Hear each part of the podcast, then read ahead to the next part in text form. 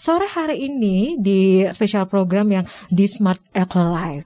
Dan untuk hari ini Smart Listener, senang sekali saya sudah bersama dengan Coach Darhamsyah, Kapus P3E Sulawesi Maluku. Assalamualaikum warahmatullahi wabarakatuh, Coach. Waalaikumsalam. Selamat sore, Smart Listener yang tercinta. Gimana kabarnya coach? Luar biasa sore ini ya. Aktif ya, tetap aktif. Dan tadi kita juga sudah mendengarkan ya, ya lagu pembuka kita itu hmm. lagu yang spesial dan juga maknanya sangat dalam gitu ya. ya. Ini dalam rangkaian memperingati Hari Sumpah Pemuda yang ya, kurang dua hari lagi. Dua hari lagi. Kalau dilihat tadi ya untuk dari lagu dari gabungan musisi senior Indonesia untuk liriknya yang mana nih? Coach ya. paling suka ya. Iya iya iya. Secara keseluruhan lagu itu sangat bagus dan memang ini tepat tepat untuk kita simak kembali mm-hmm. dalam rangka Hari Sumpah Pemuda. Mm-hmm. Yang mm-hmm. paling saya senang adalah refnya itu. Iya. Oh. Bersatulah semua seperti dahulu. Nah, kenapa dia katakan bersatulah semua seperti dahulu? Karena ketika Sumpah Pemuda tahun mm-hmm. 28 ya, 28 Oktober. Itu mm-hmm. itu itu semangat persatuan itu begitu kuat. Mm-hmm. Mm-hmm. Dan kalau di masa penjajahan saja mm-hmm. itu mm-hmm. mereka bisa menyatukan Jong Java, Jong Slebes dan sebagainya, mengapa tidak mm-hmm. kita yang sekarang di masa kemerdekaan ini mm-hmm kadang-kadang sulit untuk bersatu. Mm -hmm. Jadi dikatakan bersatulah semua seperti dahulu. Yeah. Ya berarti kita kembali ke, ke semangat persatuan itu. Mm -hmm. Lihatlah ke muka, lihatlah ke muka. Kita diminta sebenarnya untuk mm -hmm. uh, way forward, melihat ke depan. Mm -hmm. Ini kan sejarah di belakang kita, tetapi kita diminta untuk lihatlah ya, ke muka. Ya, di Smart FM sering kita dengar law of attraction ya. Jadi gimana hukum tarik menarik? Ketika kita berpikir untuk ke depan, mm-hmm. ya. Kalau di coaching kita selalu uh, orientasi ke future, orientasi ke depan. Mm-hmm.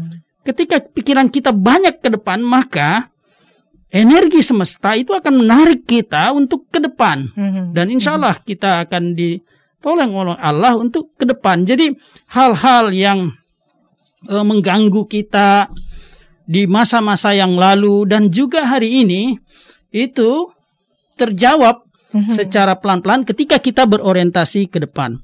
Bersatulah semua seperti dahulu, lihatlah ke muka keinginan mm-hmm. luhur mm-hmm. dan akan terjangkau semua. Oke, okay. wow, maknanya sangat dalam iya. ya.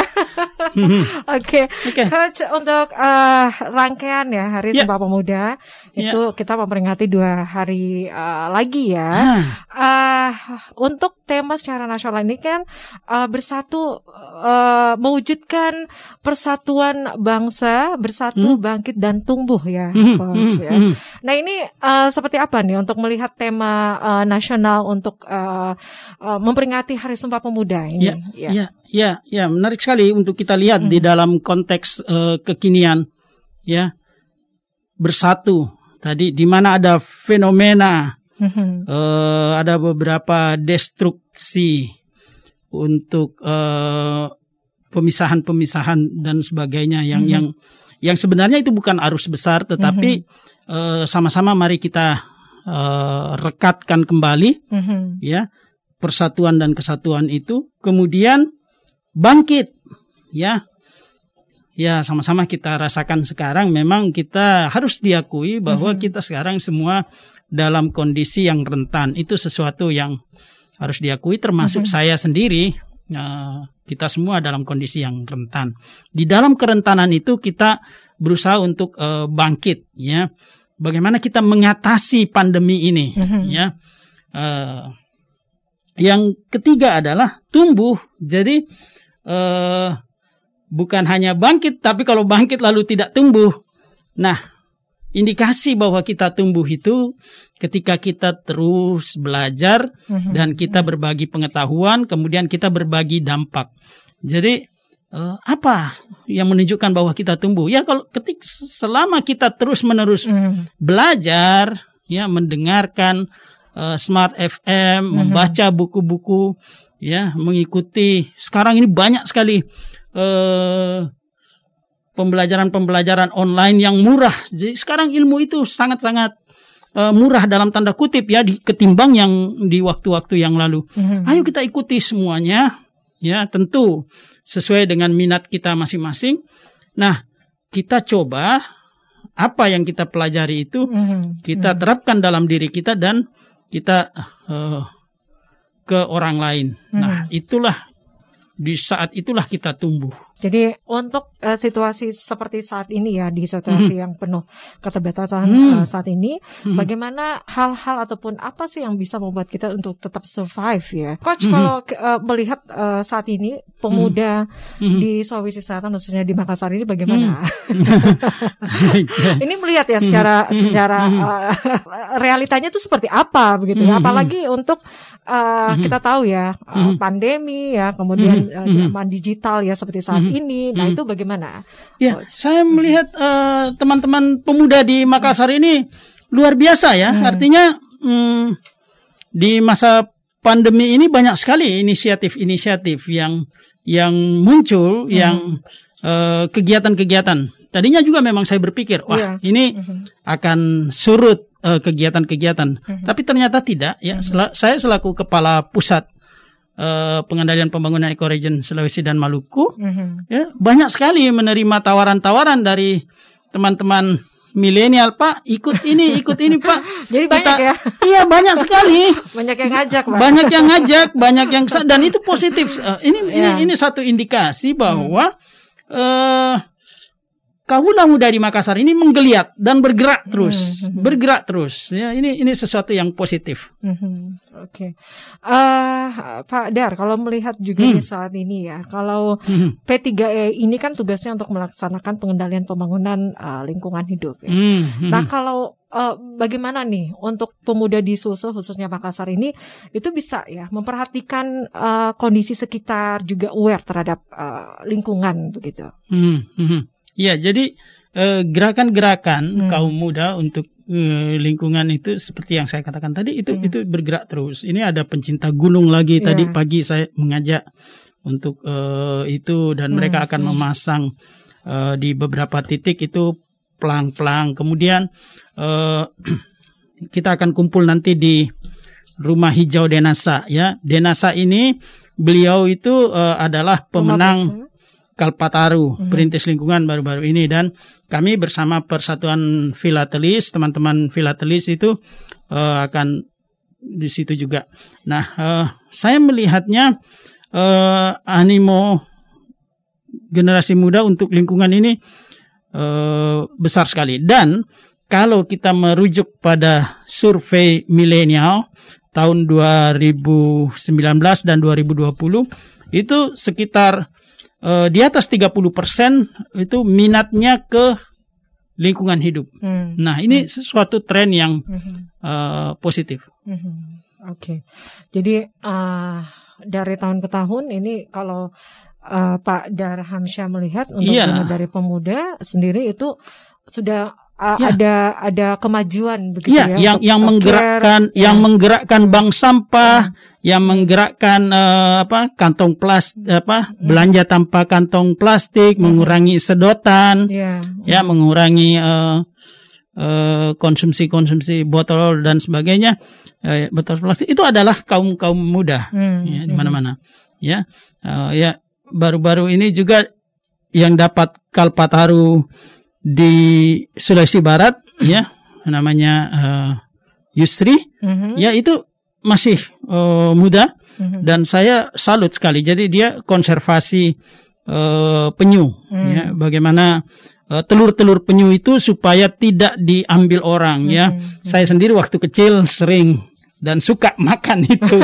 karena belum tahu ya ya enak itu ya kayak kayak bola pimpong itu yang dan lunak gitu kan. Itu gimana rasanya? Telur, telur penyu. Coach. Da, ya? Gimana rasanya itu? Eh, enak, enak. Nah, tapi tapi itu itu kan uh, kalau itu dikonsumsi, nah bagaimana regenerasi dari penyu-penyu itu kan hmm. terputus hmm. ya. Sehingga uh, teman kita ini Yusri itu uh, mengamankan itu mm-hmm. ya dan secara natural dia menetaskan dan mm-hmm. pada waktunya melepaskan ke laut mm-hmm. ya jadi ini uh, suatu usaha yang digerakkan oleh anak-anak mm-hmm. Okay. Yeah. Ini salah satu contoh nih inovasi yeah. yang dilakukan oleh anak-anak muda ya, mm-hmm. ya mm-hmm. Uh, Pak Pak Dan. Baik, masih di rangkaian untuk memperingati Hari Sumpah Pemuda ya, yang tidak lama lagi kita akan peringati bersama, tepatnya di 28 Oktober 2021 dan tentunya ini merupakan refleksi gerakan uh, Sumpah Pemuda dalam mewujudkan persatuan bangsa ya. Dan untuk rangkaian Sumpah Pemuda sendiri, smart listeners, uh, P3S Sulawesi Maluku ini juga mempunyai tema khusus gitu ya Pak ya untuk mm, tahun ini ya. Mm, mm. Benar Pak? Iya iya iya iya. Tema bener. khususnya itu adalah uh, Sumpah Pemuda merekah di dada. Mm. Ini kalau kata-kata merekah ini saya ingatnya seperti seperti anak muda uh, atau gadis yang merekah merekah gitu ya. mekar mekar. mekar gitu ya. Mm. Ini memaknainya seperti apa nih Pak Dar? Iya. uh, mm. Itu kita angkat terinspirasi dari Eh, kalau kita lihat ada tanaman kecil, mm-hmm. sangat kecil yang tumbuh dari celah-celah bebatuan. Mm-hmm. Kalau dilihat tanaman itu sangat-sangat lemah, mm-hmm. sangat rentan, ya. Berjalan seiring dengan waktu, tanaman yang tumbuh dari celah bebatuan itu makin lama makin besar, makin mm -hmm. subur dan akhirnya menjadi pohon mm -hmm. dan membelah batu yang tadinya dia berada di celah bebatuan itu. Mm -hmm. Nah, terinspirasi dari sini kami berpikir demikian juga lah pemuda. Mm -hmm. Pemuda orang sering melihatnya ah dia bisa apa sih? Mm -hmm. Dia dia itu taunya apa sih? Ya seperti tadi tanaman yang berada di celah batu itu. Mm-hmm. Tetapi mm-hmm. ketika dia merekah, dia tumbuh mekar, mm-hmm. ya, maka dia akan menjadi sebuah pohon yang besar. Nah, sumpah pemuda ini diharapkan bisa merekah di dada kita juga. Mm-hmm. Jadi sesuatu yang mungkin karena berlalunya waktu juga menjadi sesuatu yang samar-samar, mm-hmm. sayup-sayup dan uh, hampir tidak terlalu banyak didiskusikan, dibicarakan kecuali pada peringatannya. Tetapi kalau itu kita sirami, kita tumbuhkan, ya, maka dia akan merekah mm-hmm. di dada kita dan menjadikan kita seorang pemuda yang tumbuh, ya, tangguh seperti mm -hmm. pohon tadi yeah. yang sewaktu dia masih kecil orang mm -hmm. meremehkannya tetapi ketika dia besar mm -hmm. maka dia bisa beri manfaat minimal tempat orang berteduh kalau ada buahnya buahnya bisa dimakan orang oksigennya mm. bisa dihirup oleh orang sehingga yuk kita tumbuhkan semangat sumpah pemuda ini merekah di dada kita seperti merekahnya tanaman kecil tadi yang hmm. tumbuh dan bisa membelah bebatuan. Teman-teman semua pasti bisa melakukan itu. Oke, okay, wow ini maknanya sangat dalam ya Pak yeah. Jadi uh, apalagi di tengah uh, pandemi COVID-19 hmm. seperti saat ini ya, hmm. di tengah uh, pa, uh, situasi yang penuh keterbatasan seperti hmm. saat ini, tentunya banyak hal-hal ya yang bisa kita lakukan untuk yeah. uh, bisa tetap survive ya. Yeah. Ini khususnya untuk uh, pemuda-pemuda uh, milenial ya. Hmm. Hmm. Pak uh, Padar, kalau uh, kita lihat hmm. juga nih uh, saat ini ya, kalau P3E ini kan memang concernnya di uh, bagaimana untuk lingkungan ya Pak ya, untuk melaksanakan pengendalian ya. pembangunan lingkungan hidup. Nah, ya uh, untuk dalam rangkaian untuk uh, sumpah ataupun uh, hari Sumpah Pemuda sumpah nanti ya, ya, itu ada kegiatan-kegiatan khusus nggak sih yang yang yang dilakukan Pak dari ya, P3 ya? Ya, apa ya. aja? Ya. ya. Jadi uh, dalam rangka Sumpah Pemuda ini kami masuk ke sekolah-sekolah. Hmm. Ya. Nah, uh, pekan lalu kita di SMA Muhammadiyah Malino. Hmm. Sana berbagi inspirasi dengan uh, teman-teman uh, di sana. Kemudian, insya Allah pekan depan, ya kita akan ke SMA uh, 14, mm -hmm. ya. Nah, kita masuk ke sekolah-sekolah ke SMA, ya. Mm -hmm. ke, kita punya program uh, Adiwiyata. Mm -hmm. Adiwiyata itu adalah sekolah berbudaya lingkungan. Mm -hmm. Nah, ini penggeraknya adalah siswa itu sendiri.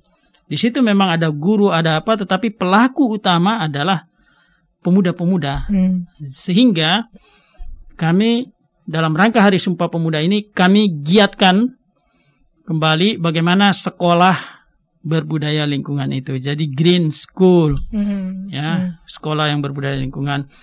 Kita masuk ke kampus-kampus, ya green campus, hmm. ya dan itu semua yang menggerakkan itu semua adalah anak-anak muda. Mm-hmm. Kami hanya ya pemantik saja, mm-hmm. ya, hanya memfasilitasi saja mm-hmm. supaya bisa bergerak. Tapi yang bergerak selama ini dan akan terus bergerak adalah pemuda-pemuda. Itulah sebabnya dengan semangat tadi bahwa bangkit, bersatu, bangkit dan tumbuh, uh, itu kita hidupkan. Nah, kalau kita lihat ya Sumpah Pemuda itu uh, yang pertama adalah bertumpah darah. Yang satu ya, tanah air Indonesia.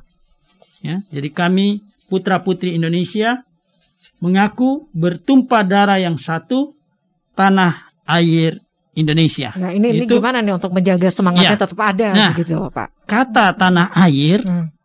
itu lingkungan hidup dan kehutanan banget ya. yeah. Kalau ketika kita bicara tanah dan air itu kita bicara lingkungan mm-hmm. dan hutan ya.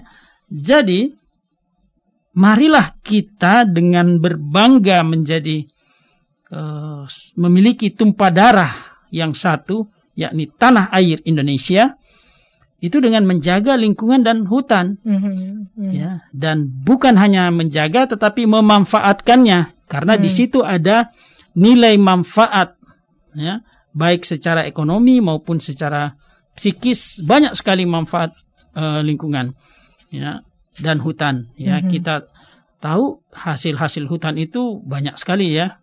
Di luar kayu yang memang juga kita perlukan hmm. ya itu di di ada hutan produksi khusus untuk itu dan terukur mengambilnya kemudian ada madu, ada rotan, ada aren di situ ya. Dan sekarang juga lagi berkembang uh, di hutan itu adalah uh, forest healing mm-hmm. ya, healing healing di hutan ya, mm-hmm. coaching di hutan ya, uh, forest coaching. Kemarin yeah. mm-hmm. saya bersama uh, teman-teman di Eco Camp Bandung di Bandung ada namanya Eco Camp. Itu seru kita, itu Pak ya? Iya seru sekali. kita kita bikin uh, kegiatan outdoor Pak uh, ya. Outdoor hmm. uh, forest healing di uh, Taman Hutan Raya Juanda, hmm. Bandung. Taman Hutan Raya Juanda Bandung. Dan itu menarik sekali. Kenapa? Karena ketika kita berada di alam di hutan itu dan kita terkoneksi dengan suara-suaranya hmm. ya dengan uh, udaranya yang bersih kemudian kita melihat pepohonan-pepohonan.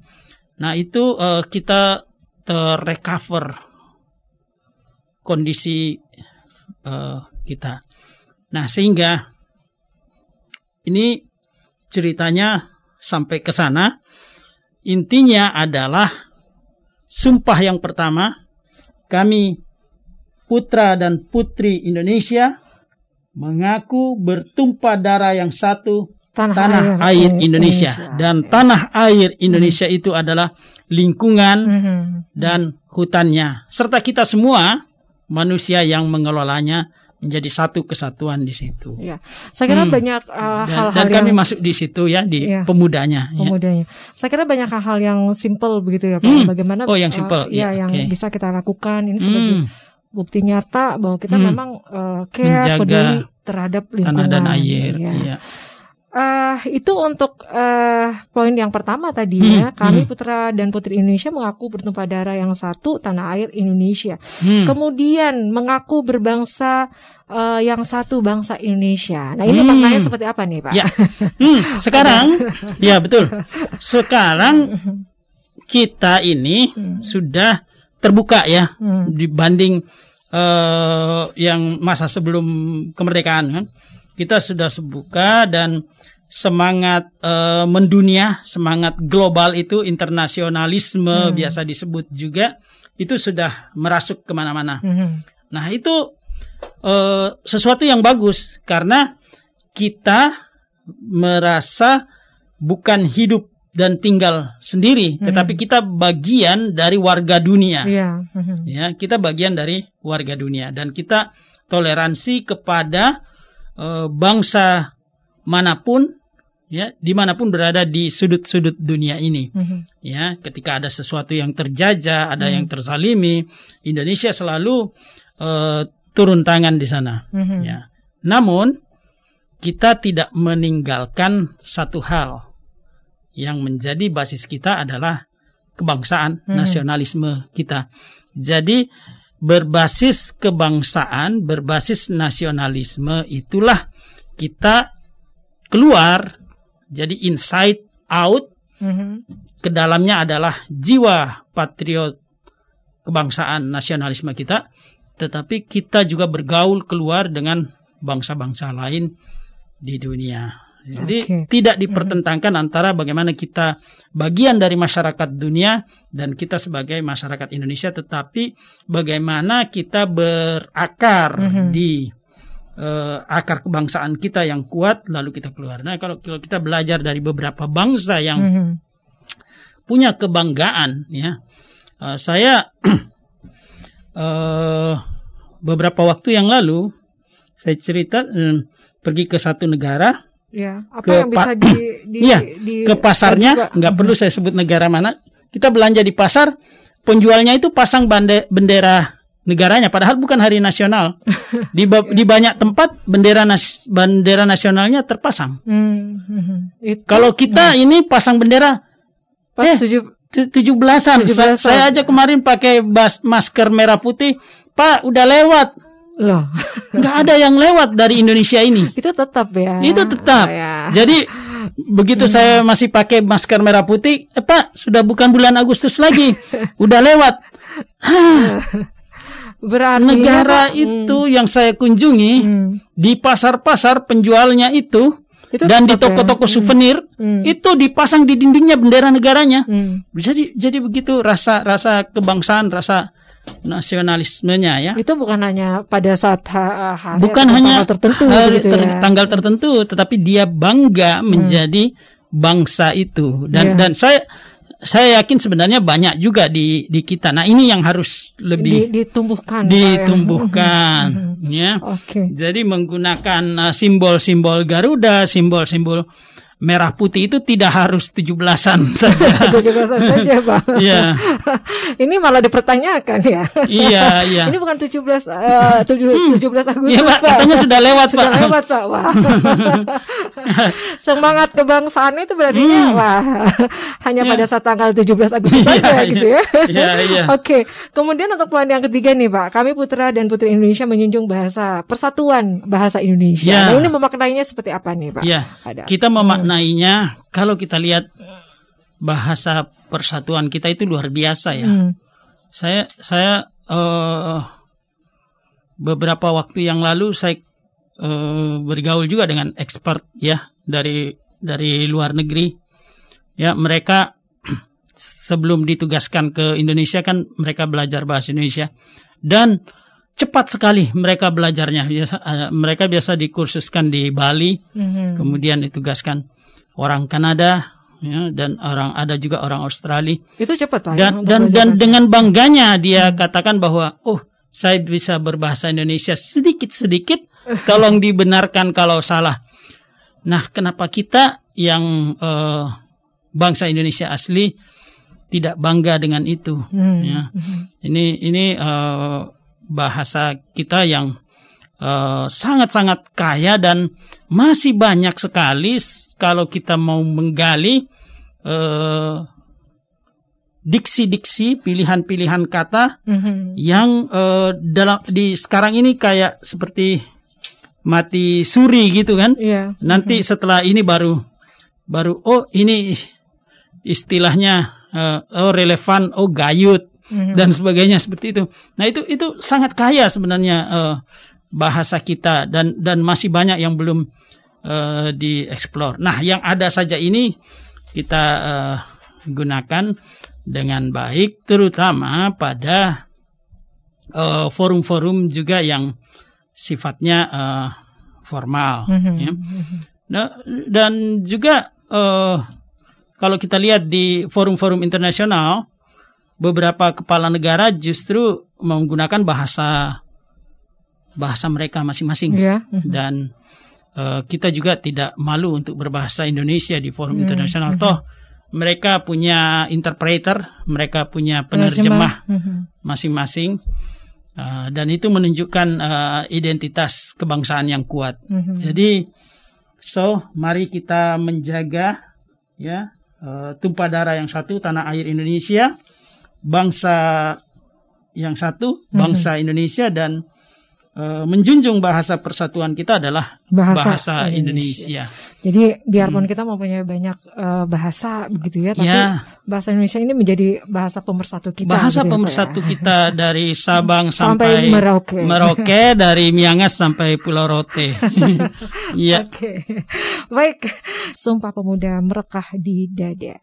Nah, smart listeners, ASN ini merupakan profesi pengabdian yang utamanya melayani uh, masyarakat sehingga harus siap melayani dan bukan dilayani. Hmm. Nah, padahal hmm. kalau padar ya kalau melihat uh, saat ini ya untuk uh, profesi ASN ini kan itu hmm. banyak ya dari pemuda-pemuda yeah. milenial ya. Hmm, hmm, hmm, nah, kalau melihat uh, saat ini Pak itu uh, bagaimana Pak kalau dihubungkan yeah. juga dengan semangat untuk bagaimana kita menjaga persatuan, yeah. kesatuan Tuh. di Sumpah Pemuda. Ya, ya menarik sekali uh, banyak ASN kita yang milenial, mm-hmm. generasi-generasi baru yang cerdas-cerdas ya dan uh, progresif, inovatif itu kita akui mm-hmm. ya. Uh, kita melihat ada beberapa sisi yang kelihatannya karena sekarang ini kan uh, eranya orang itu bersikap lebih flek apa apa lebih cair gitu ya. Pak, ya. ya.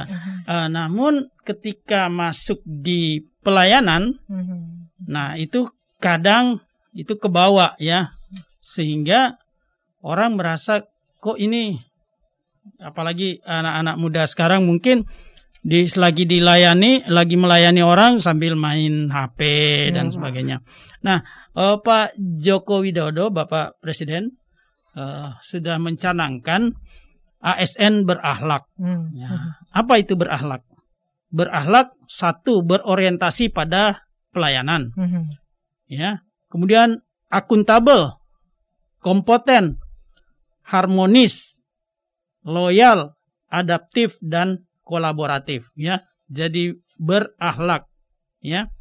Nah, yang pertama tadi berorientasi pada pelayanan. Hmm. Saya terkesan beberapa waktu yang lalu lagi-lagi kita mengambil apa yang bagus di tempat orang ya. Yeah. Mm. Mereka itu ada kampanye yang disebut no wrong door. Tidak ada pintu yang salah. Bagaimana tidak ada pintu yang salah itu kalau orang masuk di kantor itu, Pak di mana kita uh, saya mau urus ini misalnya ya. Nah, kebetulan pintu yang dia masuk itu salah. Hmm. Nah, no wrong door ini tidak boleh pegawai itu menjawab, Pak salah masuk, itu bukan di sini, itu di sebelah. Ya. Pak salah masuk, bukan di bukan di uh, bidang ini, itu di bidang sana. Bapak salah masuk. No. Itu wrong. komunikasinya seperti itu, Pak. Ya? Iya, ya. iya itu. Hmm. Ya, nah itu itu di kampanye no wrong door hmm. tidak ada tidak ada yang salah. Jadi meskipun orang itu sebenarnya dalam tanda kutip salah masuk. Ya. Jadi Oh iya Pak, betul sekali sudah tepat Bapak ke sini. Mm-hmm. Nah, uh, saya akan membantu. Uh, kebetulan teman saya yang menangani ini ada di ruangan sebelah di seberang sana. Saya hmm. akan saya antar Pak ke sana. Hmm. Hmm. Jadi orang tidak merasakan Pak salah kamar Pak. Pak salah salah pintu pak. Itu pakai hmm. berteriak lagi pak. Pakai berteriak lagi. Iya. Jadi ya? mereka kampanye ya. yang namanya no wrong door. Hmm. Tidak ada pintu yang salah. salah. Hmm. Bahkan ketika orang itu pun masuk ke pintu yang salah tidak disalahin. Hmm. Tapi ditunjukkan, Pak saya bantu. Kebetulan yang menangani itu ada di ruang sebelah dan mm -hmm. saya antar Bapak ke sana.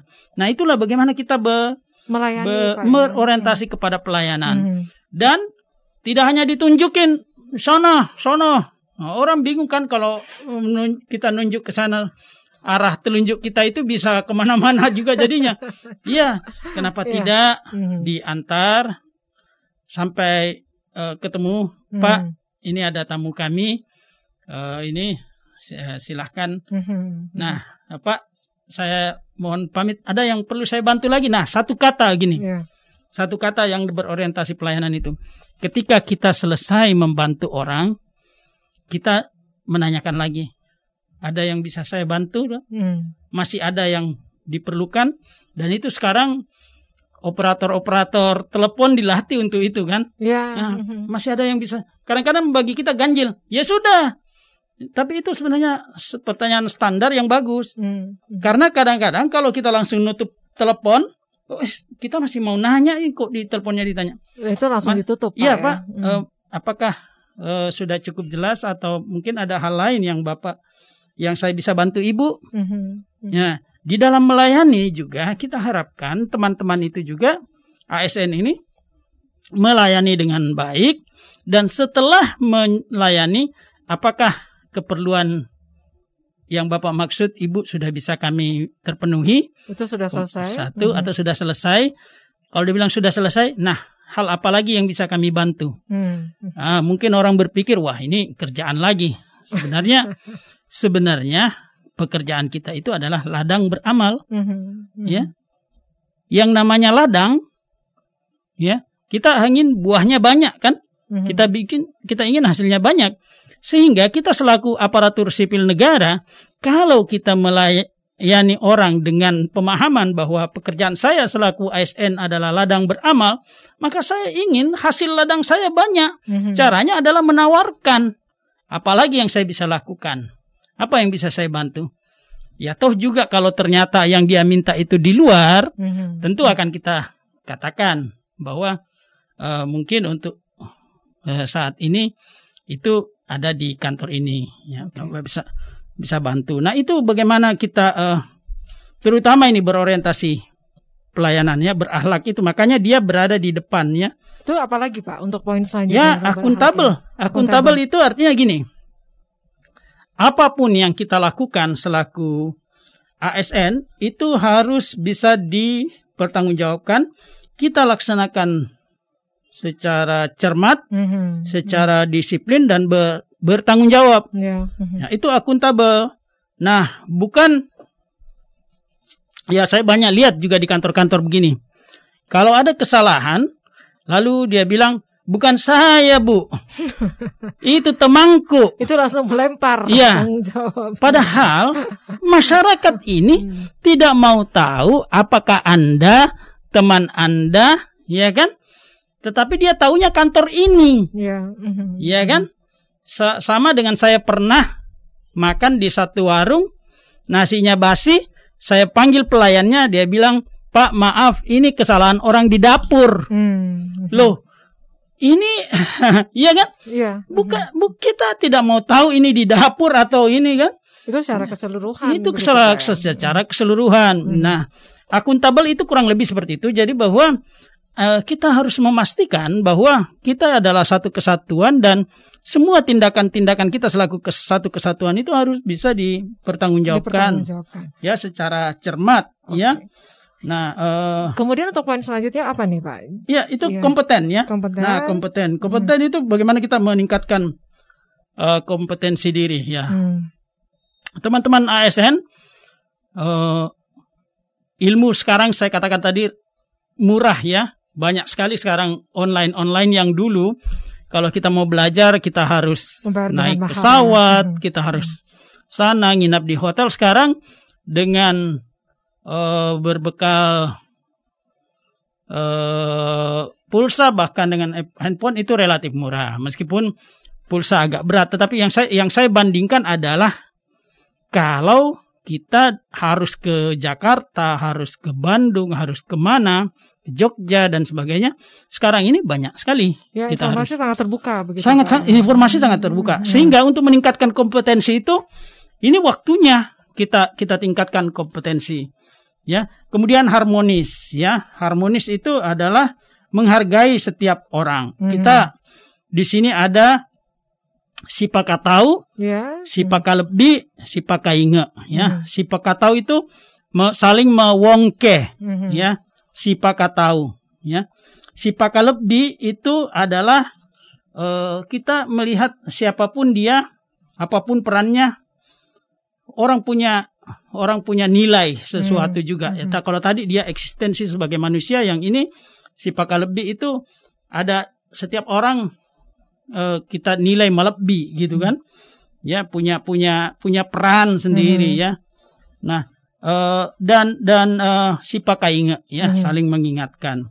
Nah itulah hubungan-hubungan uh, harmonis ya dan kita selaku pimpinan harus bisa menciptakan uh, kondisi yang kondusif supaya itu bisa te, te, terbentuk mm-hmm. ya. Mm-hmm. Baik. Nah uh, seperti masang-masang saya kalau di kantor saya itu di tangga pun di tangga pun itu anak-anak tangganya saya pasangi stiker. Oh iya pak? Iya. Wah, kayaknya uh, saya harus jalan juga nih iya, ke kantornya uh. Jadi anak tangga ya, uh, ada di situ apa namanya? Uh, ada quote-quote mungkin ada Pak. ada quote uh, bukan quote ya kata kata ya kata-kata bijak ya gitu misalnya ya, enjoy hmm. atau uh, motivasi berasi, kan, motivasi, motivasi gitu ya. ya. Jadi penyemangat. Jadi setiap orang lewat di tangga itu lihat lihat tulisan tulisan-tulisan itu ya. Nah, Ini termasuk salah satu katanya adalah harmoni. Harmoni. Ya, menciptakan. Ya. Nah, okay. uh, masih ada tiga ya. Jadi tadi berorientasi pelayanan, akuntabel, kompet, kompeten, harmonis, ya. Nah, yang keempat adalah kolaboratif ya. Bagaimana bisa bekerja sama, ya. Mhm. Kemudian adaptif, menyesuaikan diri dengan perubahan-perubahan okay. dan loyal, loyal, ya. Loyal karena kita adalah sebuah uh, bangsa. Mm-hmm. Ya, ini kaitannya dengan Sumpah Pemuda tadi. Ya, pendahulu kita sudah bersumpah demikian, yeah. dan mm-hmm. itu sudah terbukti bahwa itu mempersatukan kita. Mm-hmm. Nah, kita loyal terhadap NKRI, terhadap pemerintah yang sah. Baik. Ya, jadi kita dan kemudian sesama dengan ASN, sesama korps kita loyal dalam mm-hmm. arti menjaga nama baik ASN. Ya, dan kalau kita uh, berada dalam satu posisi di mana kita harus menjaga rahasia mm-hmm. negara, rahasia jabatan, uh, itu kita bentuk loyalitas kita itu adalah menjaga rahasia itu meskipun teman. Ya baik. Uh, Okay. Jangan jangan karena teman tahu nggak saya ini ini tahu nggak atau bilang eh apa namanya ini cuma untuk anda ya sebenarnya ini rahasia, rahasia. tapi jangan bilang siapa-siapa ya tapi akhirnya dikeluarkan juga ya. oke ya jadi yuk teman-teman ASN terutama yeah. ASN muda yang di mana kita menaruh uh, kepercayaan hmm. menaruh harapan yang besar mari kita laksanakan uh, core values ASN hmm. berakhlak okay. ya Baik. Ya, ini ini menjadi uh, closing statement kita ya, ya untuk ya. sore hari ini, Pak ya. ya. Erat kaitannya dengan Hari Sumpah Pemuda yang sama-sama kita akan peringati ya. tepatnya di 28 Oktober 2021 ya. Dan ya. mari kita bangkit tetap produktif selama ya. masa pandemi COVID-19 ini dan juga tidak melupakan Pancasila dan sejarah perjuangan bangsa ya. ini. Dan, Sekali lagi, ya, silakan uh, Saya ingin menyampaikan ya di, di, dikatakan uh, oleh Soekarno mm-hmm. kasih saya seribu orang ya. Niscaya akan kucabut semeru dari akarnya ya, ya uh, gunung semeru.